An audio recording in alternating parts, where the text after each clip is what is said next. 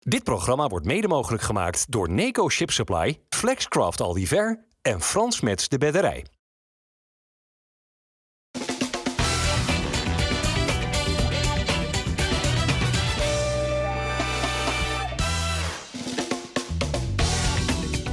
Goedendag dames en heren, welkom bij FC Rijnmond. Deze maandag zijn wij hier met Rob aan. Welkom Rob, leuk dat je er bent.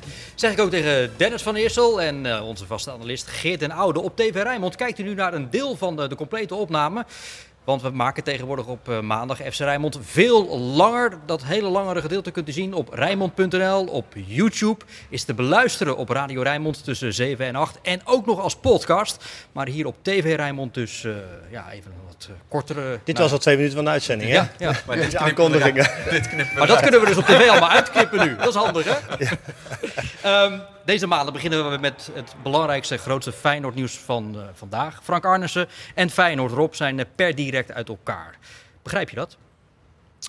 Nou, met, met de informatie die ik de afgelopen weken heb gelezen, kan ik enigszins begrijpen. Maar aan de andere kant denk ik toch ook, uh, gezien de, de vele kwaliteiten die Frank al bij Feyenoord heeft bewezen, waardoor ze dus een betere scouting, betere jeugdopleiding, goede aankopen hebben gedaan. En, Goede trainer aangesteld. En waardoor we hebben gehoopt dat er continuïteit zou komen, vind ik het voor de continuïteit van Feyenoord eigenlijk onbegrijpelijk. Ja, wat zal dan de voornaamste reden zijn dat de partijen uit elkaar gaan? Ja, daar kan je alleen maar naar raden. Ik bedoel, de, de ziekte kan dus inderdaad de rol zijn. Wat vind je daarvan dat je uh, als, als organisatie, als BVO, als bedrijf tegen een zieke werknemer zegt: uh, we gaan uit elkaar? We gaan ja. een poging doen uit elkaar te gaan. We moeten oppassen dat, dat wij daar niet conclusies aan gaan verbinden. Ik denk dat je met de privé-informatie die er misschien is en die niet naar buiten mag komen, dat dat de hoofdzakelijke reden is. Oké, okay. ja. Er speelt nog wel iets als het gaat om uh, datgene wat Arnissen allemaal achter zich laat, Dennis, bij Feyenoord. Namelijk dat er veel spelers zijn gekomen in uh, zijn jaren uh, in Rotterdam, waarvan niet een enkeling wordt begeleid door zijn zoon. Ja. In hoeverre is dat een struikelblok geweest, denk jij? Struikelblok is misschien een groot woord. Hè. Het is wel een, een, thema geweest. Hij is er wel altijd ook open in geweest. Hè. Ook als, hij, als hem daarnaar gevraagd uh, wordt. Hij, ik, ik, sta daar ver boven, ik kan dat. Ook onderhandelen met mijn, met mijn zoon. Bijvoorbeeld met die uh, Karim is een voorbeeld. Hè. Dat ze, toen hij werd gepresenteerd stonden vader en zoon Arnissen allebei ernaast. Dus ja, dat was wel een situatie waar ik ook wel eens mijn wenkbrauwen optrok. maar als ik mijn oor te luisteren leg, uit elkaar gaan nu echt voornamelijk echt te maken met die, uh, met die gezondheidssituatie. Het biedt Feyenoord wel de kans om nu, als je toch in deze situatie te zit, verder te kijken naar oké, hoe richten we onze organisatie in en willen we op deze manier ook verder? Of is dit dan ook het moment om daar dan aanpassingen in uh, te doen? En Wat voor echt... aanpassingen moeten we aan denken? Nou, je kan denken bijvoorbeeld aan, er is nu een technisch directeurschap. En dan kun je naar een technisch managerschap. Er zijn meer voetbalclubs die dat hebben. Wat maakt het eigenlijk uit erop? Technisch manager of ja, technisch daarom, directeur? Het zit in de titel. Het zit hem in de invulling in, inderdaad natuurlijk in, in de praktijk. Het heeft hiërarchisch wel wat verschillen. En dat biedt de kans bijvoorbeeld bij Feyenoord om intern iemand door te schuiven waar je zegt, hey, is die ook klaar voor echt volledig technisch directeurschap met alles wat daarbij hoort? Of iemand die je dan toch hiërarchisch onder te kloezen zou laten vallen. Dat je zo intern wel iemand kan laten doorstromen richting die functie. Ja. Dat zijn dingen waaraan gedacht wordt, maar Feyenoord geeft zelf ook aan. We gaan de tijd nemen voor de opvolging, Arnissen, wie, uh, maar vooral ook hoe. Ja, Geert, uh, Arnissen heeft dus in die voorbije transferperiode niet heel veel kunnen doen. Was wel op de achtergrond actief hoor, maar ja, kon natuurlijk niet heel daadkrachtig uh, zijn werk doen. En dus zegt Feyenoord nu van ja, je bent waarschijnlijk de komende maanden daar ook nog niet toe in staat. Contract loopt toch af, we nemen afscheid. Wat vind je ervan? Nou, we weten niet of dit initiatief gekomen is uit Arnezen of uit uh, Feyenoordkant. Denk Feyenoord. Vanuit Feyenoordkant. Ja, nou ja, ik vind het altijd, uh, tenminste, het is, normaal gesproken kan het ook niet in, uh, in Nederland, alleen via een rechter. Op het moment dat je, zeker een, een, een verbindenis die onbepaalde tijd is, dat je opeens zegt als werkgever terwijl iemand ziek is, die sluit ik even af. Dit is een ander soort situatie. Maar ik vind het wel een opmerkelijke. Hè. Nogmaals, Arnezen geeft zelf aan, het is een, het is een bericht hè, wat Feyenoord naar buiten heeft gebracht, wat alleen maar positief is. Uh, iets te positief, alsof er iets nog achter schuilt of zo. Ja. Weet je? En dat is, daar kunnen we moeilijk achter komen. Daar kan alleen maar Feyenoord of hij zelf duidelijkheid over geven. Uh, en wat betreft zijn zoon, weet je, ik vind het altijd. Arnissen is daar uh, open over geweest. En zeker op het moment dat Feyenoord daar wel bij vaart, heb ik daar überhaupt geen probleem mee. Hm. Nee, zeker als die openheid er gewoon is. Oké. Okay. Hoe zal dat nou in de praktijk zijn gegaan, denken jullie, de voorbije weken of maanden als het gaat om het aantrekken van die nieuwe spelers? Hè? Arnissen deed dat dan vanuit het ziekbed thuis, wat op de achtergrond. Uh, te Kloeze deed de deals. hoe gaat dan zoiets in zijn werk? Eh, scouting, Ja, als, slot? als, als je naar de praktijk kijkt, dan, dan, dan heeft Arnezen natuurlijk altijd zijn huiswerk goed voor elkaar gehad. Dus dat huiswerk was ook nu goed gedaan in de wetenschap van die en die spelers, die raken we mogelijk kwijt. Want we wisten het al dat Dessus waarschijnlijk niet zou blijven. En fijn, dat geldt voor een aantal andere spelers. Dus dan is het huiswerk samen met Arne Slot gedaan. Eh, en, en dan ga je de markt aftasten. Wat krijgen we binnen? Wat kunnen we verwachten? Wat hebben we dan te besteden? En in welke categorie kunnen we dan kijken? We moeten één ding ook niet gaan vergeten. Tegenwoordig eh, is, is, als je kijkt dus naar de rol van Arnezen... eh, de komende maanden zou die rol niet zo druk meer geweest zijn als dat in de afgelopen maand had moeten zijn. Want dan moet je mee onderhandelen, moet je misschien reizen.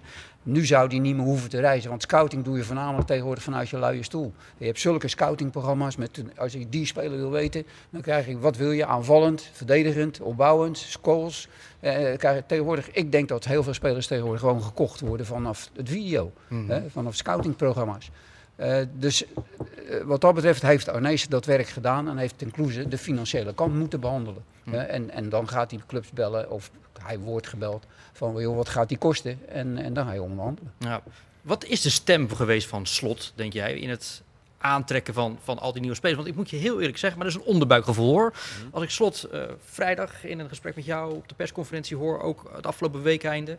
Ik voel niet een enorme, nou, hoe ga ik, eh, warmte voor al die jongens die zijn gekomen. Ik, ik, ik voel nog niet dat hij ze allemaal omarmt. Nou ja, hij stipt, hij stipt aan iets over de fitheid van, van Ja. sommige spelers. Hè. Dat- Mentale weerbaarheid, stipt hij aan. ja, daarbij zei hij van dat moeten we afwachten of dat, er, eh, of dat erin zit. Wat dat betreft was Go Ahead van het weekend dan, een, dan, dan konden ze hem meteen even laten zien dat, dat ze dat hebben. In ieder geval die helft die er nu Ja. stonden. Maar dat zal niet helemaal het plan zijn geweest. Ja, en qua fysiek, eh, ik, ik schrok daar ook wel een beetje van vrijdag. Volgens mij was dat ook mijn reactie van ik vind het best zorg, Ja. zorgwekkend dat je nu zegt, voordat dat drukke programma gaat beginnen van... Ja, eigenlijk weten we al dat we spelers hebben die zo'n druk programma misschien niet, eh, niet aankunnen. Maar zou het kunnen, jongens? Zou het kunnen dat, dat dit niet, en dan heb ik het niet over allemaal, maar dat, dat van de serie spelers dat, dat dit niet de keuze van slot is? Nou, ik, ik zal je in ieder geval een anekdote vertellen die ik had bij Sparta toen ik daar trainer was. Dan moest ik een lijstje indienen. En eh, oké, en van 1 tot 4. En wat was het gevolg? Dat alle spelers die op, vierde, op de vierde plaats stonden, die kwamen en nummer 1 kwam nooit. Eh, dus ik weet ook niet in die contacten nu tussen Slot en natuurlijk, eh, als hij dus het niet meer met Arnezen kon afdoen, want die twee bleken op één lijn te zitten. En, en nu eh, kan je waarschijnlijk concluderen dat er niet op één lijn gezeten is om, om te kijken naar het, het type speler en de kwaliteit van de speler die hij liefst had gehad. Ja. Hij moest zich waarschijnlijk dan tevreden stellen met nummer twee. Ja. Maar Er zijn, er zijn ook veel dingen niet eh, gelukt. Hè? Wat, wat Slot ook eh, in een van de recente persconferenties aangaf over spelers uit de Nederlandse competitie. Eh, en daar zullen er vast meer van zijn geweest die hij dan misschien graag wilde. Maar dat lukt dan ook budgetair, lukt dat Feyenoord niet meer. Om vanuit de subtop spelers naar de Nederlandse top te laten halen. Want ja, het liefste had hij, luister ook naar vor- de vorige jaren wat hij heeft gezegd. liefst had hij echt meer een Nederlandse kern gehad dan het huidige Feyenoord nu met 17 nationaliteiten eh, heeft. Dus Ja. dat is niet uit luxe dat, dat dit daar staat. Het liefste heeft Feyenoord nog meer te besteden. Nu kunnen ze nog eerder handelen. Nee, maar jij zegt dus de keuze van slot had waarschijnlijk wel uitgevallen op meer Nederlandse spelers. Ja, mits dat dan ook vervolgens uiteindelijk haalbaar is natuurlijk. Ja, maar dat, hij is daar best wel open ook gewoon over. Ja. Op, eh, dus. Maar dit, dit, dit onderschrijft dan een beetje het onderbuikgevoel dat ik het aanstipte. Van ja, hoe tevreden is slot nou met, met al deze aanwinsten? Nou ja, dat gaat Slot ook pas zeggen op het moment dat hij... Dat eh, hij al vertrokken is. Of niet? nee, op het moment dat die spelers eh, straks na een paar maanden op het niveau zijn waarop ze horen te zijn. Eh, kijk naar Wollemark, die is ook gekomen. Die heeft vorig seizoen ook niet zoveel gepresteerd. En die moet er ook nu staan. Die heeft ook een half jaar de tijd nodig gehad. Alleen vind ik wel dat je Arnees het voordeel van de twijfel moet geven. Want als je kijkt wat er onder hem is binnengekomen en wat er ook mee verdiend is. Ja, zie ik nou niet de reden om daar nou te zeggen, oké, dat is niet goed of zo. Natuurlijk, eh, iedereen heeft zijn voorkeuren. Maar eh, ja, nummer 1 altijd halen is niet, is niet altijd mogelijk. Nee. Zeker gezien Feyenoord. Hè. Feyenoord is geen Ajax of zo met een hele grote eh, portemonnee. Nee, er is 70 miljoen euro aan inkomsten binnengehaald met eh, uitgaande transfers. Dat is natuurlijk echt eh, voor Feyenoord begrippen natuurlijk eh, een hartstikke mooi. Die niet eh, allemaal aan spelers eh, besteed zullen worden. Hè. Nee, 40% is eh, inderdaad her, geïnvesteerd in, in nieuwe spelers. Rob, eh, eh, de term 17 miljoen. verschillende nationaliteiten valt al even. Jouw lange loopbaan als trainer.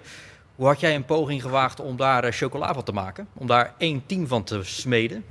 Nou het, het begint vooral al met de communicatie. En, en ik heb gelezen dus dat Slot nu in de kleedkamer Engels praat. Eh, ik kan uit mijn eigen praktijk eh, dat ik, dat ik soms in drie talen moest praten. Duits, Nederlands en, eh, en Engels. Ja, en dat, dat werkt niet. Eh, dus eh, wat op een gegeven moment bij Feyenoord is gebeurd destijds... was we gaan spelers allemaal Engels leren.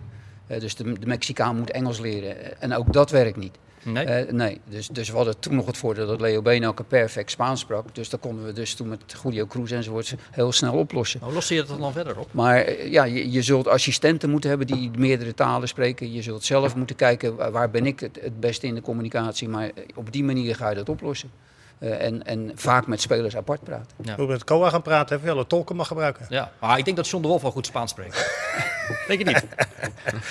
In ieder geval goed Engels. Zeker, want hij heeft bij. Wolverhampton gespeeld. Dus Ja. eh, aan het Engels van John zal het... Nee, was een grapje. Maar die, die kan je op een boodschap sturen. Was, was het jou...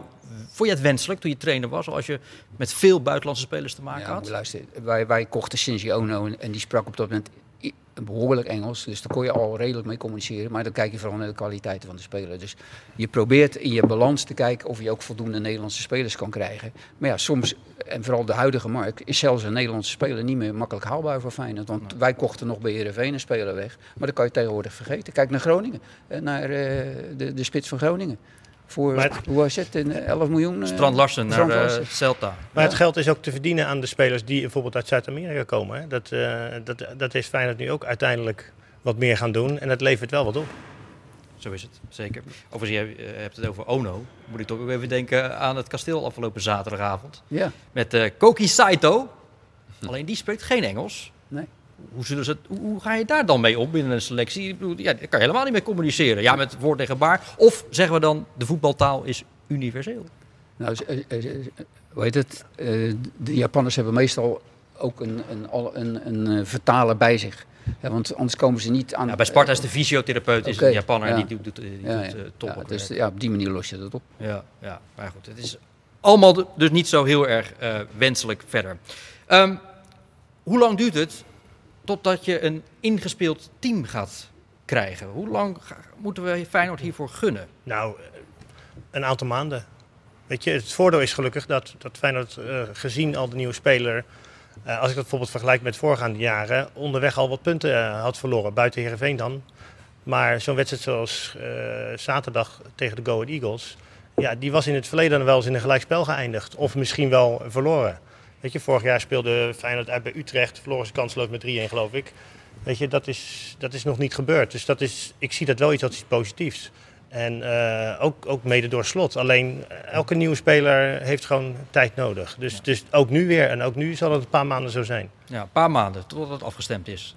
Eh, de- de- Reken daar maar eh, zeker op. Maar, Maar dan is het wat alweer winterstop trouwens. ja. Ja. Wat hij net noemt is natuurlijk wel eh, misschien goed vergelijkbaar met, met vorig jaar. Dat, dat nu had je bij Go Ahead inderdaad punten kunnen verspelen. En, eh, want je komt 2-0 achter. Nou, dat, het zegt iets over het team dat ze al in staat zijn om dat dus eh, te compenseren en goed te maken. Eh, dus dat geeft hoop, want in principe gaat dus dat, dat leerproces nu met vallen en opstaan. En dat, dat opstaan en dat vallen vooral kan punten kosten. Hm. Wat dacht jij toen je in Deventer eh, zat en die wedstrijd een kwartier oud was? Het eerlijke antwoord, ook na 13 minuten, eigenlijk helemaal niet in de rats dat het, dat het mis zou gaan voor Feyenoord. Zeker niet toen 10 minuutjes later de aansluitingstreffer ook kwam. Want ja, Go Ahead negen nederlagen op rij. Mm, En bij een aansluitingstreffer al, dan gaat dat denk ik ook in het, in het hoofd zitten van we zullen dit toch niet alsnog gaan weggeven. Ja, en dat gebeurt dan vervolgens ook. Daarmee ook wel meteen de kanttekening dat ik nog steeds wel vraagtekens heb bij dit Feyenoord. Bij het scorend vermogen. Ligt dat nou inderdaad zo hoog als dat het nu lijkt? Want ja, tegen Emmen en Go Ahead lukt het en maakt Feyenoord te veel. Maar tegen iets hogere weerstand, jij refereert aan Utrecht uit vorig seizoen, Geert. Dat vind ik een mooie. Zo- Zo'n wedstrijd heeft Feyenoord nu ook nog niet eh, gehad. Hè? Buiten Heerenveen dat dan ook goed verdedigde. Donderdag, dan eh, komt er Dat, wel dat eentje. wordt natuurlijk eh, wel eentje onder serieuze weerstand. En Ja. over twee weken PSV uit, waar ik heel benieuwd naar ben om die teams tegenover elkaar te zien. Maar ook Sparta voor, volgend weekend. Sparta dat ik defensief ook echt een goede indruk tot nu toe heel vind, solide, eh, vind ja. maken. Dat is niet eentje waarbij ik op voorhand denk, oh daar gaat Feyenoord ook makkelijk zoveel tegen maken. Dus ik moet het allemaal, ik loop niet meteen na winst op Emmen en, en Go Ahead de Polonaise moet ik zeggen. was wel een mooie sfeervolle uitwedstrijd, toch? Ik denk een van de mooiste wel van het Ahead. seizoen, ja. Ja, dat vind ik altijd een van de, de mooiere wedstrijden. Want het is al, al jaren eh, terug toen ze onderaan in de eerste divisie stonden. Snoei was trainer, geloof ik. In En ik zat de samenvatting te kijken In mijn en tijd eh, was het al- onderaan in ja. volle bak. Daar in mijn tijd was het al leuk om daar te spelen, buiten de fantastische grasmat die er altijd ligt. En er was ook nog het, nog het oude stadion waarin de, de kleedkamers ook nog heel oud waren. Maar eh, het is altijd leuk om daar te spelen. Ben je al zo oud al? Ik ben pas 36. Nou, dat ben je dan al eh, een jaar of tien. Ja, nog steeds.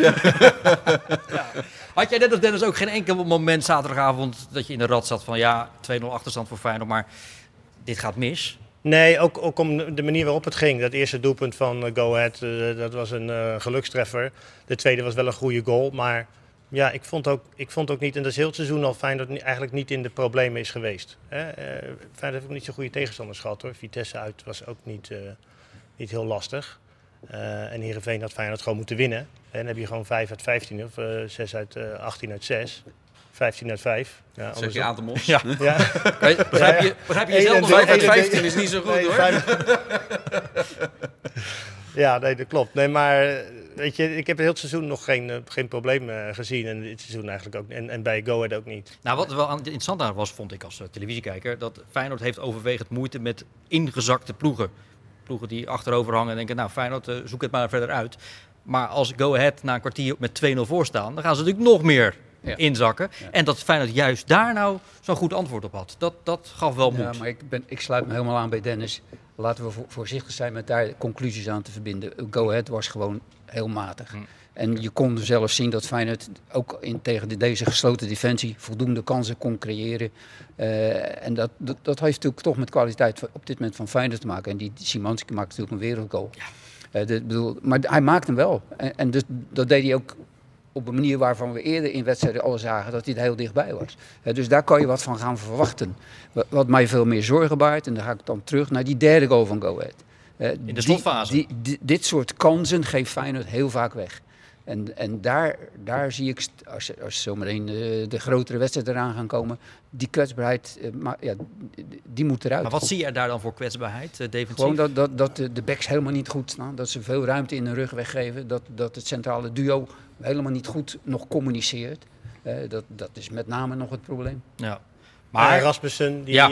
eh, die eh, niet echt lekker stond te verdedigen. nee. Weet je, daar komt ook de, de, de zwakte vandaan. Ik vind dat Rasmussen nog steeds eh, ja, nog niet zo goed gepresteerd heeft. Of misschien is hij ook wel niet zo, niet zo goed. Hè? Eh, alleen ik van de eerste wedstrijden kreeg hij veel kritiek. eh, bij Vitesse uit. en ik vond bij die derde goal, hij kwam overigens als invaller in het veld. Maar weet je, hij, hij zag er niet goed uit. Hij ging een duel aan waar hij, die hij eigenlijk nooit kon winnen. En vervolgens ja, gaat die bal nog door en zit hij erin. Ja. Dus Toch hè, halverwege in de rust is Arne Slot gewoon wel echt boos geworden in, in de kleedkamer. Maar waar, waar zou die boosheid over zijn gegaan? Halverwege? Niet, de, de thee was Hebben koud. we het hem kunnen vragen? Nee ja, ik hoorde Kukcu Heb je dat zeggen. gehoord, ja? Kukcu was eh, vrij duidelijk dat eh, Slot was even goed tekeer gegaan in, Ja. eh, in de rust. Ah, ja. Bij dus een 2-2 tussenstand. Ja, dat, Ja. ja, het laatste Oké. raden als je na 13 minuten 2-0 achter staat bij, eh, bij Go Ahead, dan, eh, dan moet even de zweep erop. hè? Hoe dan ook, eh, onder eh, trainer eh, Arne Slot bij Feyenoord komen ze vaak goed terug van achterstanden. En dat was dus in het Deventer zaterdag niet anders. Vandaag hebben ze dat zeker laten zien. En dat is van een achterstand met een 2-0 achterstand. En ik zei na de 1-0, maar dat blijft natuurlijk vrij lang in zo'n stadion, die sfeer en die energie. Dat elke keer als iemand een, bal blokt en dan heb je ook nog tegen een tegenstander die de eerste vier verloren heeft. Dus als er dan één ding niet slim is, is om ze die kracht en die energie te geven van twee goals. Nou, dat komt dan een beetje ongelukkig vanuit ons perspectief tot stand. Maar vanaf daarna vind ik dat je gezien hebt, er is best wel veel over gesproken de laatste weken. Van oké, hoe snel kunnen ze goed voetballen? Nou, vandaag heb je volgens mij gezien hoe goed wij kunnen voetballen. heb ik ze na de wedstrijd ook verteld. Dus je kan dus echt heel erg goed voetballen met elkaar. We hebben ook veel goede invallers. Maar je hebt ook geleerd vandaag dat je in elke seconde ook een wedstrijd kan verliezen. En je kan niet elke keer van een 2-0 achterstand met zo goed voetbal terugkomen. Want goed voetbal levert niet altijd goals op. Vandaag wel. Maar ik heb vaak genoeg ook als trainer meegemaakt dat goed voetbal ook wel eens niet tot goals leidt. Ja, zo is het. Ehm begin tweede helft begint Feyenoord zonder Pedersen. Die had een knieblessure. Toen kregen we Benita als rechtsback. Ja. Hoe beviel hij? Ja, goed. Hij heeft in de voorbereiding ook één keer gespeeld. En soms heb je bij een speler, maar Lazio had dat tegen Napoli natuurlijk. Die, die toont meteen zoveel bravoure. En natuurlijk gaat er in die druisterheid gaan er nog dingen mis. En ben niet dat ook een vliegende tackle die er dan naast Ja. was op een gegeven moment. Eh, dus die punten zie ik ook. Maar hij lijkt volgens mij wel echt uit het juiste hout gesneden te zijn. Durft ook risico wat dat betreft te nemen en zich te laten zien. Dus ja, ik ben zeer, eh, maar dat blijkt al zeer Ja, gecharmeerd jij, van, eh, dit van is eentje Ja. voor de toekomst, eh, Ja. vrij vertaald. Benita. Ik, ik ken hem niet. En, Nee, ja, we eh, leren hem eh, nu kennen. We leren hem nu kennen. En wat hij zegt, ontzettend brutaal gelijk. Eh lef tonen. eh, ik bedoel, die vliegende tackle die hij net miste. Maar daar is hij dan niet van van streek. Nee. Eh, even later gaat hij toch weer gewoon eh, opnieuw eh, het uitproberen. En kijken wat hij, eh, wat hij nog eh, aanvallend mee kan doen. Dus eh, er zit eh, een bravoure. Ik weet niet of het een Rotterdammer is. Ja, nou ja. Eigen jeugdopleiding. Eigen, eigen jeugd, ja, Ja. Zeker. hij ook uit Rotterdam maar in ieder geval Ja. zeker. Maar in ieder geval, eh, hij toont, hij toont de Rotterdamse bluff. De redactie luistert en kijkt het nu mee. Die zijn het nu heel snel aan het opzoeken of eh, Benita inderdaad een eh, geboren getogen Rotterdammer Ja. is. Zoals Geert en Oude. Nee, Delft. Oh nee, Delft geboren. Ja. Ja, maar ja, nu al... eh, hij komt uit Spijkenisse, Benita. Nou, dat, Nou, eh, dat, dat geldt dat Rotterdam. valt onder, Ja, eh, Als je in eh, Spijkenissen zegt dat je. Rotterdammer bent, dan ben je echt de weggooier. Dat, eh, Dat weet ik wel. Zoals Simons die die bal trouwens even in de kruising eh, jenkte. Dat, kon je dat eigenlijk vroeger ook zo, vanaf die afstand? Is, heb ik niet zo vaak gedaan. Nee, ik, Is niet zo vaak nooit of af en toe Nee, eens? niet zo vaak. Zeker wel gedaan. Alleen, eh, ik scoorde meer in de 16. Dat Ja. was mijn kwaliteit. Ja, maar deze was je wel hoeft, heel ni- je mooi. hoeft niks te zeggen verder. Nu. Dat is, eh, meestal krijg je dan een, eh, een katje hè, nee, nee, nee, nee, zo ben ik helemaal niet. Maar deze Ja. was heel mooi. Ja, nee, eh, lekker geraakt. Ja, ja. Ik zag meer eh, doelpunten dit weekend die lekker geraakt waren. Ook in de 16. Doelpunt van die Czerny. ja. Die was ook lekker geraakt. Twente, ja. Ja. Ja. Hij mooie doelpunten gehad. Hij eh, speelde zowaar een wedstrijd uit, Simanski. Dat Ja. was ook een opsteker, denk ik. Ja, het moet op een gegeven moment ook, ook wel. Hè? Want slot, nou, vorige week wilde hij al per ongeluk bijna, bijna zes spelers wisselen. Omdat dat qua, qua fitheid moest. En ook nu moest hij natuurlijk al noodgedwongen weer wat spelers naar, eh, naar de kant halen. Ook Hansko vanwege een tikje op zijn bovenbeen die, die er eerder afging. Dus ja, op een gegeven moment moet het. eh, wedstrijden volmaken. Maar uh, liet ook zien dat hij hem niet alleen kan volmaken. Maar dat hij ook in zo'n slotfase nog steeds heel erg goed, goed is. Wat zijn die trainers snel gewend geraakt of verwend geraakt door het feit dat we nu vijf keer mogen wisselen? Hè? Ja. Want dat was gewoon voor corona nog niet. En Nee. nu opeens is het de normaalste zaak van de wereld. Ja. Vind je het eh, iets positiefs of mag het wat jou het- worden afgeschaft? Nee hoor, ik vind het iets positiefs. Omdat ik vind, eh, als je een selectie hebt met eh 20 spelers en je mag er maar drie wisselen. eh, ja, dat betekent dat iedereen meer speelminuten krijgt. Ja. Dus ja, ik vind het wel positief. Het is wel Er eh, zit, er zit wel één gevaar in. En, en dat zie je bij een aantal clubs. Dat het dan ook steeds dezelfde speler is die eraf gehaald wordt. Vaak aanvallers erop. En, en, en, en dus die spelen dan maar 60 minuten. Vaak. Ja. Ja, en, en die krijgen dan nooit de kans meer om, om ook die 90 vol te maken. En, eh, en dat zie je, dat zie je te veel. eh, dat coaches eigenlijk op dezelfde truc teruggrijpen. Ja, maar als je kijkt naar de, de, de klacht, en die, die- is denk ik wel terecht, hè, naar het overvolle speelschema. Kijk naar die jongens die, eh, die in, de, in de Engelse competitie bijvoorbeeld, of nou, de Nederlandse competitie, die, die Champions League spelen met al die wedstrijden bij elkaar. En je hebt ook nog die jongens spelen die voor het nationale team spelen. Die hebben natuurlijk een, een razend druk programma. Dus voor die jongens eh, wordt daar wel een beetje een, eh, een voordeel mee eh, geschapen. Waardoor die jongens ook af en toe wat vaker eraf gehaald kunnen worden als de stand dat toelaat. Dus ik vind het voor de fysieke gesteldheid voor die jongens wel, vind ik het wel iets goeds, ja. Maar hoe had jij het vroeger gevonden als je iedere wedstrijd na 60, 70 minuten eraf werd gehaald? Ja, dat was heel irritant. Ja. Tuurlijk, als speler, zeker als je lekker in de wedstrijd zit, was het heel vervelend. En nou had ik het eh, voordeel gelukkig niet dat ik voor het Nederlands elftal speelde. Eh, dus weet je, dus ik kon gewoon 90 minuten maken. Ik hoefde niet gewisseld te worden. En gewoon de premie dan ook eh, opstrijken. ja, maar je kreeg vroeger ook een premie als je één minuut speelde, hè? Ja. Als je inviel. Voor mij is dat nog steeds wel hoor, of niet? Nee, dat, wordt- Nee. nee. Nee? Nee, dat weet ik ook nog wel. Soms, soms wel, maar eh, er zijn ook, als je bijvoorbeeld een minder dan een halve wedstrijd speelde, of zo, dan kreeg je de helft van de premie. Of, eh, Simanski maakt een mo- mooie goal. Hij geeft ook een assist trouwens op de goal van Diorosen. Rob, wat, wat denk jij dat Simanski voor dit Feyenoord gaat betekenen?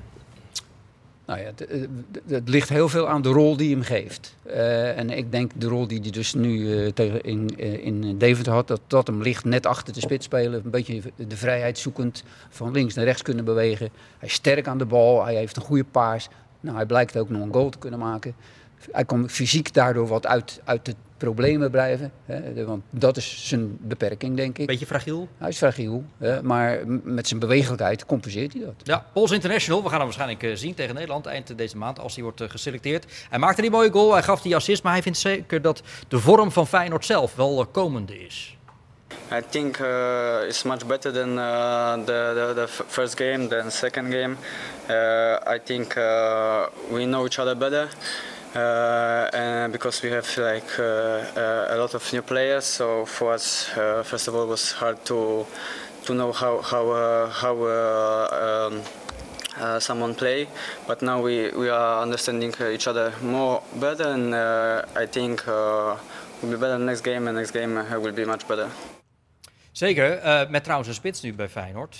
Danilo, die is op 5 op 5 nu. Hoe verrassend is dat? Nou ja, gezien hoe hij vanaf het begin af eigenlijk speelt, vind ik het niet verrassend. Omdat hij, eh, hij is heel bewegelijk.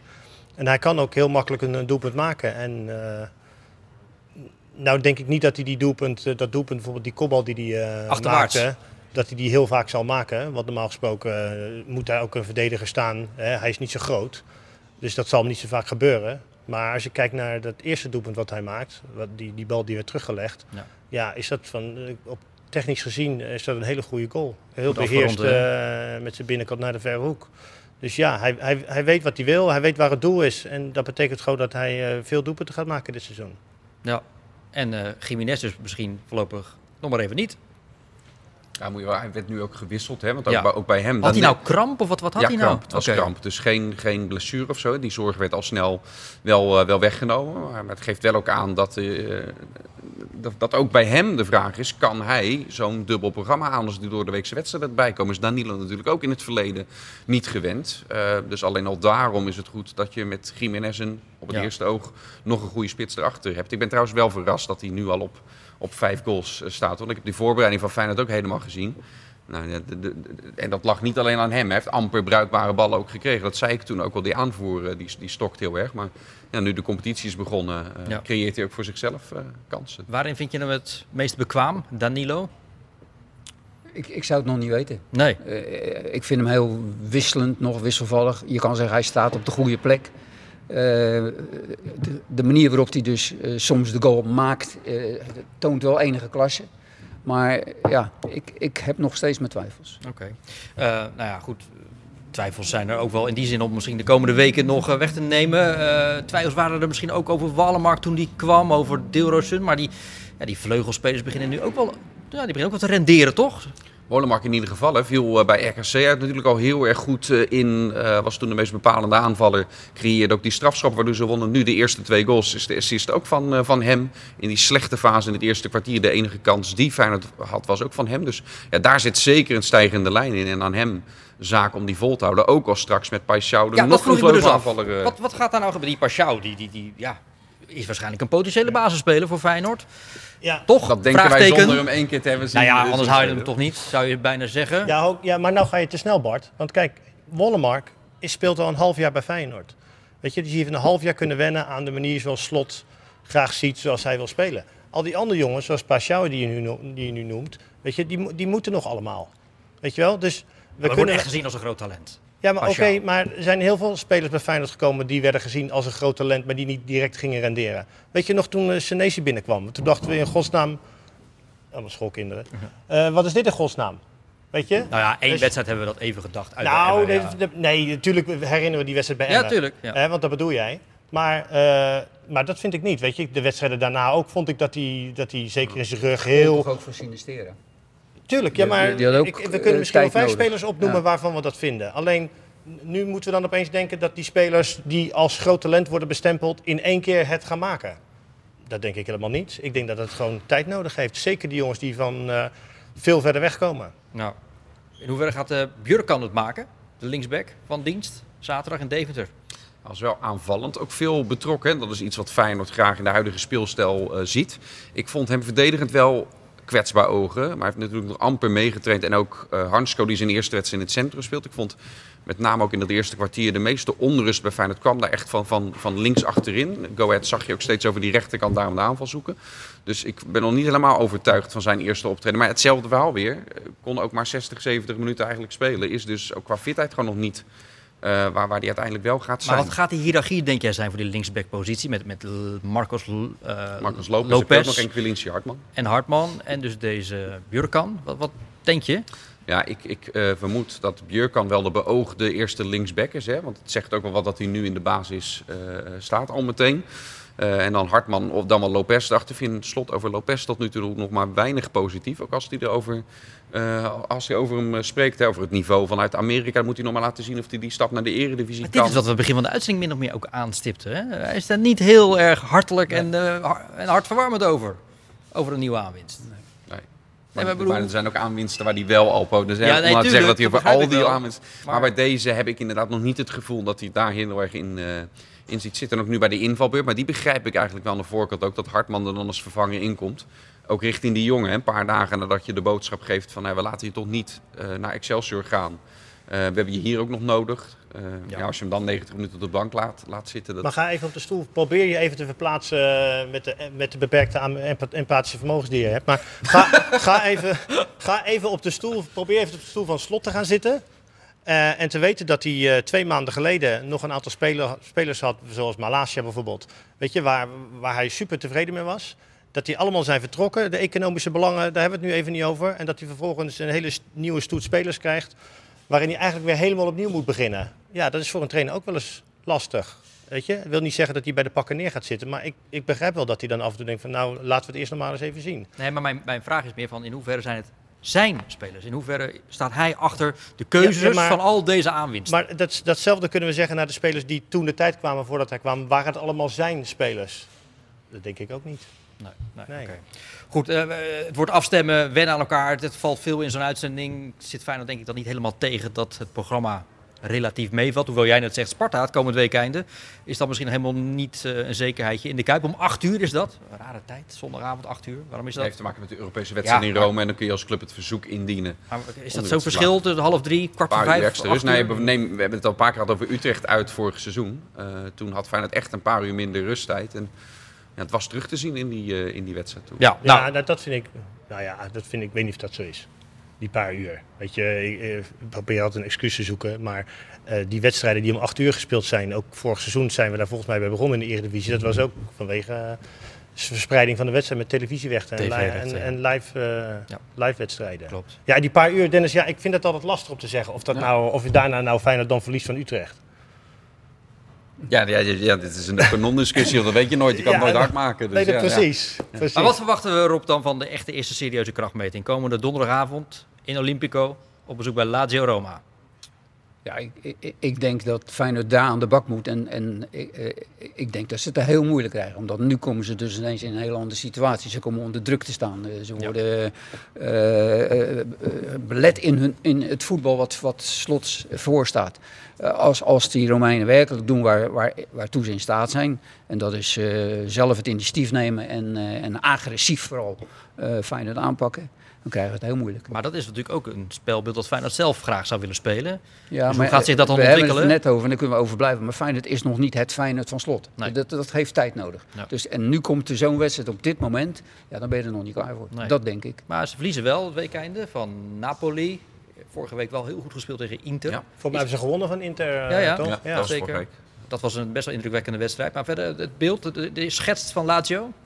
Nou ja, dus is dat nog, eh, nog wisselvallig aan het begin van dit, eh, dit nieuwe seizoen. Kwamen wel heel vroeg op voorsprong tegen Napoli, maar geven, geven dat, dan, eh, dat dan weg. Maar om daar nou op te hangen dat ze defensief kwetsbaar zijn. Nederlandse clubs tegen Italianen, komt dat cliché. En ze hebben voorin natuurlijk echt, eh, ja, echt pure klasse rondlopen. Dat ik zag bijvoorbeeld op een gegeven moment ook Lidberg uit de rug weglopen bij Hansko. Een van de punten waar vooraf werd gezegd van... Hey, let daarop bij Hansko, dat kan een zwakker punt zijn.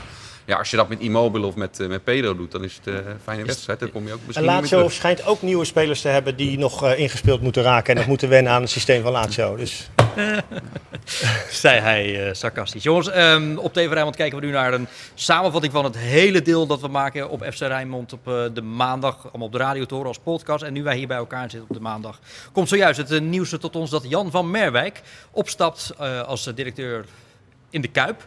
25 jaar gezeten. directeur van het stadion. Van het stadion, uiteraard. Dat is een aparte organisatie. Ehm, hoe verrast ben je met dit nieuws? Niet? Niet verrast. Nee, ja, de man heeft zelf al een hele tijd geleden aangekondigd. Als dat nieuwe stadion er niet komt binnen Feyenoord City, dan verbind ik daar ook mijn conclusies aan. Eh, en, eh, dus ik had het eigenlijk al veel eerder verwacht. Toen, toen Feyenoord al min of meer de stekker eruit trok van dat nieuwe stadion. Komt er niet. Er loopt nu zo'n zaak bij de Raad van State Ja. eh, vorige week. En dat ging ook echt al de kant op van ja, dat stadion is gewoon financieel niet houdbaar. Het gaat meer over de vraag, kan die woningbouw nou door of niet?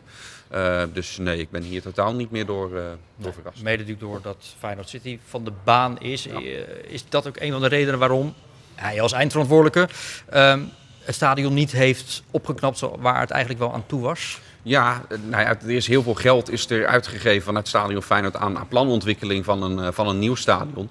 Eh, en op een gegeven moment, nou, je pakt de jaarrekening van ze erbij, dan zie je hoe die balans heel erg, eh, ja, heel erg in het rood doorslaat. Eh, dus er is daar ook bijna geen budget meer, zelfs om noodzakelijk onderhoud te doen. Eh, wel iets waar de club natuurlijk dan vervolgens mee aan, aan, de, aan de slag zelf dan, dan moet. Hoe was jouw samenwerking als technisch directeur van Feyenoord met de, de directeur van het stadion? Dat had er niets mee te maken. Niets? Nee. Nee? Nee. Op zich ook wel weer gek ergens, Nee of hoor, niet? nee, nee, nee. Dat, dat, dat ging tussen de algemeen directeur en, en eh, Van Merwijk. Dat ging over eh, veiligheid en eh, eh, de, de horeca en noem maar op. Oké, maar er waren geen directievergaderingen waar jij onderdeel van? Oh, gelukkig zegt eh, Rob. Oké, eh, meer over het eh, eh, opstappen, dan wel vertrek van Jan van Merwijk bij Stadion Feyenoord. Bij ons natuurlijk op Rijnmond.nl.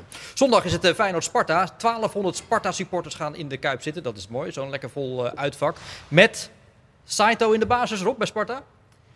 Gezien de berichten van vandaag zou je zeggen ja, maar ik denk het niet. Ik denk dat hij weer als, als joker wordt ingezet. Joker, ja. Ja. Want dan zou hij misschien het best op zijn recht komen. Nou ja, dan, dan, dan kan de trainer eerst de wedstrijd even gaan aankijken. En gezien het feit dat, eh, dat hij echt wel vanuit een goede en sterke organisatie zal gaan spelen, komt hij later wel wat meer met het speelse element. Ja. Wat weten we van eh, Saito? Ja, een jonge Japanner wordt daar gezien als een groot talent, ook bij de vertegenwoordigende jeugdelftallen. En hij kwam op de radar bij het Belgische Lommel. Eh, nadat scouts hem dus hadden gezien in Japan bij zijn club Yokohama, waar hij het, waar hij het goed deed, ook gepromoveerd is daarmee. Dus zo kwam hij eh, in België terecht. En daar heeft Sparta hem dan weer eh, gespot. En eh, een enorme is, publiekslieveling is, eigen- daar. hij is toch eigendom van een Citigroup, groot, van een groot Citigroup. consortium? Ja, Ja, ja, ja, ja, Weet je, anders klopt. kom je ook zo'n talent ook niet zomaar Klopt. even bij Anders Lommel. kom je eh. Nee, maar Lommel zit, ook, is onderdeel van die City. Ja, nee, precies. Ja. Ja, ja. Ja, ja. Maar eh, ja, wat, eh, wat, heb je zitten, zitten genieten van die, eh Nee, ik, ik vond het die hartstikke... fladderaar? Nou, ik vond hem een beetje eh, alsof eh, in een hogere sferen verkeerde of zo. weet Hogere je? sferen? Ja, daarmee bedoel ik dat hij de geest eh, helemaal gekregen had. En met het Sparta-publiek erachter eh, ja, werd dat misschien nog eens eh, extra. En nog eens tegen een tegenstander die rijp was voor de slacht. Die ook uiteindelijk geslacht is. Tweede helft zeker, ja. Precies, dus dan, weet je, dan moet je altijd af gaan vragen... oké, hartstikke leuk, maar spelen in het Feyenoordstadion tegen Feyenoord... is dan nog even anders. En het, natuurlijk ja, heeft hij heel veel talent. En is Maar moet je hem Stijn- nou eens een gelijk basisspeler maken? Als, als, Nee. als hij dit levert, twee assists, hij eh, is gelijk Nee. publiekslieveling. Nee, ik denk dat, je, eh, dat Maurice Stijn wel weet hoe hij dat, hoe die daarmee om moet gaan. En ik, eh, eh, op het moment dat, dat het nodig is, gaat hij hem zeker brengen. En het is ook niet een jongen die je nu, denk ik, in één keer die, eh, Misschien wel, alles mee juist moet niet. geven. Misschien wel juist niet, Bart. Als ik, als ik, ik was niet bij de wedstrijd, ik was op weg naar Go Ahead Feyenoord. Ja, ja. Maar ik hoorde het commentaar van collega Philip van Es die erbij was. En als ik dan hoorde en later zag wat, wat er in dat stadion ook gebeurt op het moment dat hij erin komt... is natuurlijk een enorme impuls die je in een wedstrijd met die wissel juist kan, Ja, eh, kan vergeet, geven. vergeet ook niet waar, eh, waar Sparta ook vandaan komt. Hè. Sparta vorig seizoen, vorig seizoen ternauwernood ternauwernood, eh zijn ze erin gebleven. En nou, nou, nou zijn ze aardig begonnen. Hè. Niet, niet per se met overwinningen, maar uit BRV gelijk. En dan twee kleine nederlagen tegen Ajax en AZ. En als je dan vervolgens zo'n wedstrijd tegen Volendam speelt... en er staat opeens 4-0 eh, op het bord... of het publiek voelt daarvan, er gebeurt hier wat... ja, dan... dan ja, zo van, hè, hè, eindelijk, weet je. Hoe flitsend vond je ze in de tweede helft, Sparta? Nou, ik vond ze hartstikke goed en enthousiast spelen. Maar ik vond ook dat Volendam eh, echt heel dramatisch was. En Volendam kreeg ook kansen. Want ik heb Henk Veerman een kans in missen. Ik heb eh, Muren een kans in missen die er normaal gesproken gewoon ingaan. Ja. Weet je, dus Was allemaal de eerste helft wel, hè? Ja, maar dat had ook twee doelpunten kunnen opleveren. Ja, zeker. Ja. Weet je, dus als dan de tweede helft in één keer zo, eh, zo omdraait eigenlijk, of dat het in één keer in doelpunten zo eh, omdraait, ja. Ja, ik was, la- ik was twee weken geleden ook bij eh, Sparta Ajax en dan merkte je ook bij het minste of geringste dat, ja, dat het publiek enthousiast was en, en dat ze dat ook gewoon gemist hadden. Dat proefde ik gewoon. Lekker toch? Nee, eh, hartstikke. ge- ik geniet altijd als ik op het kasteel ben. Zeker. En nu eh, was er dus zaterdag de eerste thuiszege voor Sparta op het kasteel. En eh, Sparta staat maar mooi na vijf wedstrijden al eh, zevende in de competitie. Allemaal nog niet te vroeg juichen, maar het is een lekkere start. Eh, met dus die eh, Japanse verrassing.ありがとうございますずっとあのこうやってデビューしたくて準備してたんで、まあ、こうやって、まあ、アシストっていう結果ですけど結果を残せてよかったです Hij heeft een beetje ongelukkige voorbereiding gehad. Hij kwam later aan. Eh, ehm, eh, niet helemaal topfit. Is in een paar keer in een blessure gelopen. Dus eh, nou, op het moment dat we hem eindelijk topfit hadden, zat hij één keer bij de selectie. Maar ja, raakte hij weer vrij snel geblesseerd op de training. Ehm, dus we hebben hem weer op moeten trainen. Hij zat er vandaag voor het eerst bij. En dan, ja, dan zie je ook op de afgelopen week op de trainingen. Ja, deze speler kan zo goed voetballen. is zo slim, is zo vaardig. En ja, als je dan de interactie met het publiek ziet, dan, dan is dat wel genieten als coach. Ja, nou, we hebben het over of hij dan wel of niet in de basis moet. Maar in hoeverre geldt dat voor Mijnans? Is, is die ook niet op basis van weer de wedstrijd van zaterdag Ja. ook daar niet een keertje aan toe? Ja, die was wel heel bepalend bij die aanvallen. Zeker Ja. bij, die, eh, bij die schitterende 2-0. Mijn stem slaat er bijna van over zo, zo, zo mooi vond ik. Dat Ja, we maken van een hele Mijnans- lange podcast die op aan. Dat is een beetje wennen ja, voor de stem. Ja. Nou ja, dat hakje van, eh van Mijners een heel bewust. hè, Met Pinto die buitenom was eh, gegaan. Dankjewel Geert voor het extra glasje, eh, glaasje water. Ja, Eh, zeker. Ja, dat, dat, dat, dat vond ik, die, die invalbeurt van, eh, van, van Koki eh, was, was prachtig. Maar voor mij het hoogtepunt van die wedstrijd is die 2-0. Dat vond ik een fantastische goal. Was dat met de, de, nee, de assist van Olij? Dat was de 1-0. Dat was de hè? 1-0. Ja. Ja. dat was ook mooi. Die ging, die ging, even, die ging flink los. Daarna. die ging juichen, die Olij. ja. Maar ja, dat is een keeper. Ja. Er zijn, Rob, nee, sorry Geert. Er zijn mensen, en mensen met voetbalverstand, die zeggen... Ja, Olij, als Noppert in de voorselectie van het Nederlands elftal kan zitten... waarom kan Olij dat dan niet? Ja. Rob, eh verklaar me maar voor gek. Ja, Ja, nee, maar goed. nou, zullen we eh, dat bij deze doen? hebben we een, eh, het geeft aan een briefje, hoe- kunnen we het ophouden?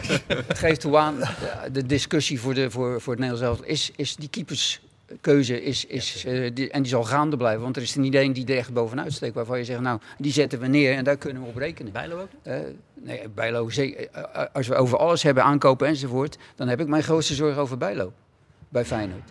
Ja, niet omdat het geen goede keeper is, maar elke keer die blessures, die blessuregevoeligheid, waardoor hij er dus zo lang uit ligt. En dan weer, dat, want hij is natuurlijk lang nog niet in de topvorm waarvan je dus zegt, hij is nu weer klaar voor het Nederlands elftal. Laurensen maakt er twee voor Sparta. Ja, Wat zie je in hem? gewoon een goede afmaker. Weet je, hij, eh, ehm, hij, is niet, hij is niet de snelste, hij is niet de meest eh, beweeg, eh, bewegelijke spits, maar hij, hij, hij kan ook een doelpunt maken. En hij zal ook genoeg wedstrijden hebben waar, waar mensen op de tribune zullen denken, eh, trainer, hou alsjeblieft die gozer eraf. Dat kan ik me heel goed voorstellen. Maar eh, ja, hij, hij schiet ze ook gewoon eh, binnen en hij kan ook een doelpunt maken. Het is- maar het is geen spits waarvoor je naar het stadion komt. Nee, Je hebt niet ineens dat je denkt, nou daar ga ik voor zitten. Nee. Maar hij doet enorm zijn werk. Hij werkt hard, hij beweegt bewegen, hij kopt veel ballen door. Eh, maar het is niet één wat je denkt, god, daar ga ik nou eens even voor zitten hoe die die bal erin schiet. nee, dat klopt. Nee, nee ik- dat- ja, dat is een terechte waarneming. Overigens, eh, we hebben het net over die assist van Olij. Sparta is dit seizoen wel de club met allerlei eh, ja, unieke momenten. Een, een keeper die dus een assist geeft. We hadden eerder die goal van Van Krooi na acht seconden. Ja. Natuurlijk ook bijzonder. Heb ik ook, hè? Sorry, In betaald voetbal, acht seconden. jij? Oh, Zeker, dacht- alleen dat was in de eerste divisie. Oké, nee, ik dacht dat ik alles van jouw carrière Het is wist. Maar dit is mij even voetbal. ontgaan. Nee, precies. Dus Er had- had er waren vermeld al- moeten worden. Er waren, voordat deze, dit doelpunt van eh Ja. van Krooijen viel, waren er vier spelers, waaronder ik, die binnen vier, acht seconden in het betaald voetbal een doelpunt hebben En gemaakt. Hebben we club? er nog beelden van? Ja. Nou, ik denk als je bij SBS, want het was in de eerste divisie toen de tijd, dat SBS stond de tijd, die zal dat vast nog in het archief hebben liggen. Dat was de wedstrijd Excelsior RBC. Kijk. En je speelde bij? Excelsior. Ja, want je hebt ze allebei gehad namelijk. Ja. Oké, Oké, nou, de volgende uitzending als je hier bent, dan gaan we kijken of we die beelden kunnen krijgen. Mits gratis. Ik want- wou net zeggen, dat, halverwege jouw zin dacht ik, dat gaat niet gebeuren. Nou ja, het kan zijn, het kan zijn dat het verjaard is en die kans is groot. Oh ja, Dan, eh dan Ik denk- hij zit te wachten, hij zit te wachten. hè. Ik denk dat hij het zelf wil betalen. Geert, ja, ja, Ja. ja, ja, ja. Nou, als er, eh, nou, 250 euro heb ik er wel voor over. Zie je wel? Wat kost dat tegenwoordig? Eh, 150 euro. Ik, weet, ik ken die bedragen niet. Nee, Maar ik, nee, ik had maar- het over die, die, die unieke momenten van, van Sparta dit seizoen. Eh, er was er dit weekend er weer één. Ze hadden nul overtredingen in de wedstrijd tegen Volendam. dat is heel gek. Ja. Kom daar eens om. Ja, nee, dat, eh, dat is uniek, ja. Ja, Ik, denk dat, ik denk dat Wim Jonk daar eh, dat wel eventjes voor de voeten gooit van de spelers. Want het geeft natuurlijk heel erg aan dat, er, dat je niet fel bent. Hè? Dat wil niet zeggen dat je overtredingen moet maken, maar... Nee, maar je als zoekt niet het randje op. Nee. Precies. Ja. Precies, dat is wel heel erg eh, echt bijzonder.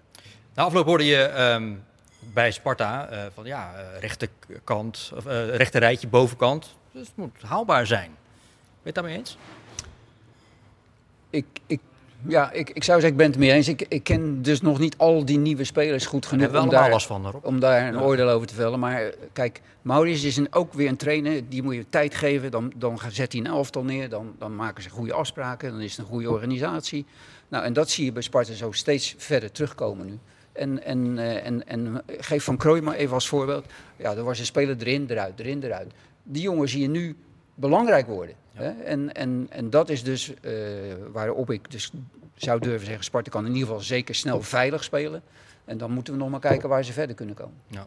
Nou ja, goed, zo opgewekt als dat we van Sparta eh, werden het afgelopen weekend, eh, zo minder werden we dat over Excelsior. Hebben we ons de eerste twee wedstrijden van de competitie zand in de ogen laten strooien? Nou, Cambuur vond ik, vond ik ze gewoon goed spelen en verdiend eh, de punten pakken. Ik heb deze wedstrijd via de tv gezien. In de eerste helft was er niks aan de hand. 5-2 Het- verloren van RKC. Het ging gelijk op. Ze, eh, ze staan 2-1 de, de rust in. Dan denk je, nou, als je nou eh, ietsje meer... Want ze gingen steeds verder terug. Dus ik, ik moest ook nog voor de radioanalyse hebben. Ik zei, nou, ze moeten vooral niet verder terug. Ze moeten meer naar voren. Nou, dat gebeurde. Ze, ze staan te slapen. Eh, en het wordt 2-2. En er staan nog een keer te slapen. Het wordt 3-2. Ja, en, en als je kijkt, twee, twee corners, twee goals. eh, hoe ze daar staan. Ja, maar dat was ook al tegen PSV. Die, die corners en in de lucht kopballen, ze worden iedere keer eh, geklopt. Wat daar aan te doen? Trainer, vraag maar even aan de trainer. Ja, nee, Hoe- wat kun je daaraan eh, doen? Ik hoorde na afloop, hoe heet die centrale verdediger? El Jacoubi. El Jacoubi zeggen, ja, die zonneverdediging van ons, die klopt niet. Hij, hij zegt, ik sta alleen. Ik, moet, sta ik, ik heb alleen hulp en nodig. ik, ik word geblokt. Ja. Ten eerste, als je verdediger, dan laat je je sowieso niet blokken. Dan geef je hem een gooi. Ja, dat zie je ook steeds met spelers die nu voor keepers gaan staan. Ja, dan gaat zo'n keeper, ja, die staat in nauw. Ja, dan, dan zet je er een speler tussen en je duwt hem gewoon weg. Eh, je- dan moet je zorgen dat die keeper kan opereren. Maar goed, terugkomend, de organisatie was niet goed, dat is één. Maar het, de, de, de lamlendigheid, de tweede helft. Spelers die gewoon niet meer deden wat ze moesten doen. Die, die niet meer in de organisatie wilden spelen. De, ik weet niet of het de tweede of de derde goal was van Kass. En dan staat die linksbuiten, die uit België komt, ook weer met zijn moeilijke naam. Die staat gewoon te slapen. Die laat die bek zo opkomen. Nou, die geeft die assist en het is 3-2. Ja. Ja? Ja, dat kan niet op voetbalniveau. Maar, nee, afgetroefd eh, op alles in de tweede helft. Nee, dat klopt. En waar Excelsior, eh, waar we Excelsior vooral kennen, eh, ook in de tijd van, eh, van Dijkhuizen, eh, eerder hè, bij Excelsior, dat hij, dat hij uit een gesloten verdediging kon spelen. We hebben trouwens vorig seizoen ook wel eens in de eerste hier gezegd van Excelsior krijgt op bepaalde momenten veel te veel doelpunten tegen. Dat die wedstrijd opeens 5-4 eindigde. of Den Bosch kan ik me herinneren, vorig jaar of Eindhoven. En dat zie je nu ook op een gegeven moment terug. Alleen je speelt nu tegen een betere tegenstander die er dan zelf, eh, als je jezelf dan niet maakt, ja, dan krijg je er zelf zo vijf om je oren. Dus Ja. daar zit echt nog wel, eh, echt nog wel wat huiswerk in. En Zeker. over, en over die ja, zonnedekking, ja, daar, is, daar, is, daar is gewoon veel voor te zeggen. Weet je, er zijn sommige trainers die daarbij zweren. Maar ja, ik moet zeggen, zelfs als kijker vind ik dat je daar echt wel ook tegen in kan brengen. Omdat ja, als, je, als je een aantal spelers in een zone zet, maar je stuurt van de tegenpartij stuur je vijf spelers naar één zone toe, heb je dus altijd een overmacht. Weet je? Ja, en, je, en je zet de lange speler tegen de kleine. Ja. Eh, bedoel, dat gaat dus ook gebeuren. Dan, dan, sta, staat zo'n klein eh kereltje, Mhm. die staat dan eh, tegen zo'n spits op de boksen. Ja, dat, dat, dat is natuurlijk vraag om probleem. Vragen om problemen. Eh, trainer Marinus Dijkhuizen, maar eens even aan het woord. Die, die harde nederlaag in Waalwijk. Hoe kijkt hij terug op de competitiestart nu na vijf wedstrijden? Qua punten wel, eh, qua technisch, tactisch en eh, met name ook fysiek eh, absoluut niet. Onze selectie is ingericht met jongens die vorig jaar KKD hebben gespeeld. Of jongens die voornamelijk niet hebben gespeeld vorig jaar van een hoger niveau. Ja, zie je dat we daar als team nog heel veel stappen in moeten maken. Met name fysiek, de intensiteit. We hebben gewoon heel veel jongens heel veel moeite om, om hier om dit niveau te spelen. Dus dat betreft valt me dat enigszins tegen. Aan de andere kant is het ook heel logisch als je ziet, nou, wat ik al zei, hoe, hoe die, met het verleden van die jongens van eh, vorig jaar. Ja, dan moeten we ons realiseren dat we met een aantal jongens nog heel veel stappen, met name fysiek, maar ook, ook technisch tactisch moeten maken om, eh, om ons te handhaven op dit niveau. Ja, Rob, zou het ook gewoon kunnen zijn dat eh, twee wedstrijden in de week, want dat was het voor Excelsior, dat dat gewoon nog even te veel is. Want zelfs de ervaren spelers, die moeten er af. Hè? Van Duinen, Ayoub, Fijn, kunnen allemaal de wedstrijd niet volmaken. Ja, het is ook, ook zo moeilijk om daar de, de, de hand op te leggen. Maar hij, hij geeft aan fysiek. Ja, je, je hebt je hele voorbereidingsperiode om te zorgen dat je spelers fysiek klaar zijn. Ja, maar dat is niet orde. en, en dan kan je hooguit praten. En dat was ik net ook over een aantal spelers van Feyenoord. Die hebben wedstrijdritme gemist. Die hebben geen regelmatige competitie gespeeld. Dus de, de competitiehardheid van de spelers is niet aanwezig. En dat, dat zag je in ieder geval de tweede helft bij een aantal spelers van Excelsior. En als je daaraan gaat werken, ben je wel weer drie of vier of vijf weken verder. Hoeveel punten ben je dan alweer kwijt? Nou ja, ze hebben nu in En drie ze moeten nu tegen Emmen, toch? Emmen, daarna Fortuna. Dat, Nou, dat dus, is- dus je moet, moet je gebeuren. Je moet er nu staan. Zeker, maar ja, ze hebben in drie wedstrijden nu, de laatste drie, 15 tegendoelpunten gekregen. En in alle wedstrijden tot nu toe 102 doelpogingen al tegen gehad. In pas vijf wedstrijden. Dus daar is inderdaad, wat jij zei, werk aan de winkel. Eh, we hebben hier ongeveer anderhalf uur over voetbal zitten horen. Mensen zien daar maar een gedeelte van terug. Maar het was zeer aangenaam. Dankjewel eh, Rob Baan. Tot de volgende keer. Dennis van Eersel en eh, Geert den Oude. Morgen dus Rijnmond Sport. En woensdag is er weer de Sparta podcast. Natuurlijk op de online kanalen. Maar dat is dan ook voor de eerste keer op TV Rijnmond te zien. Net als deze uitzending een soort van eh, samenvatting. Vrijdag is er ook gewoon weer FC Rijnmond. Dan weer in de, de normale setting, denk ik. Goeie week.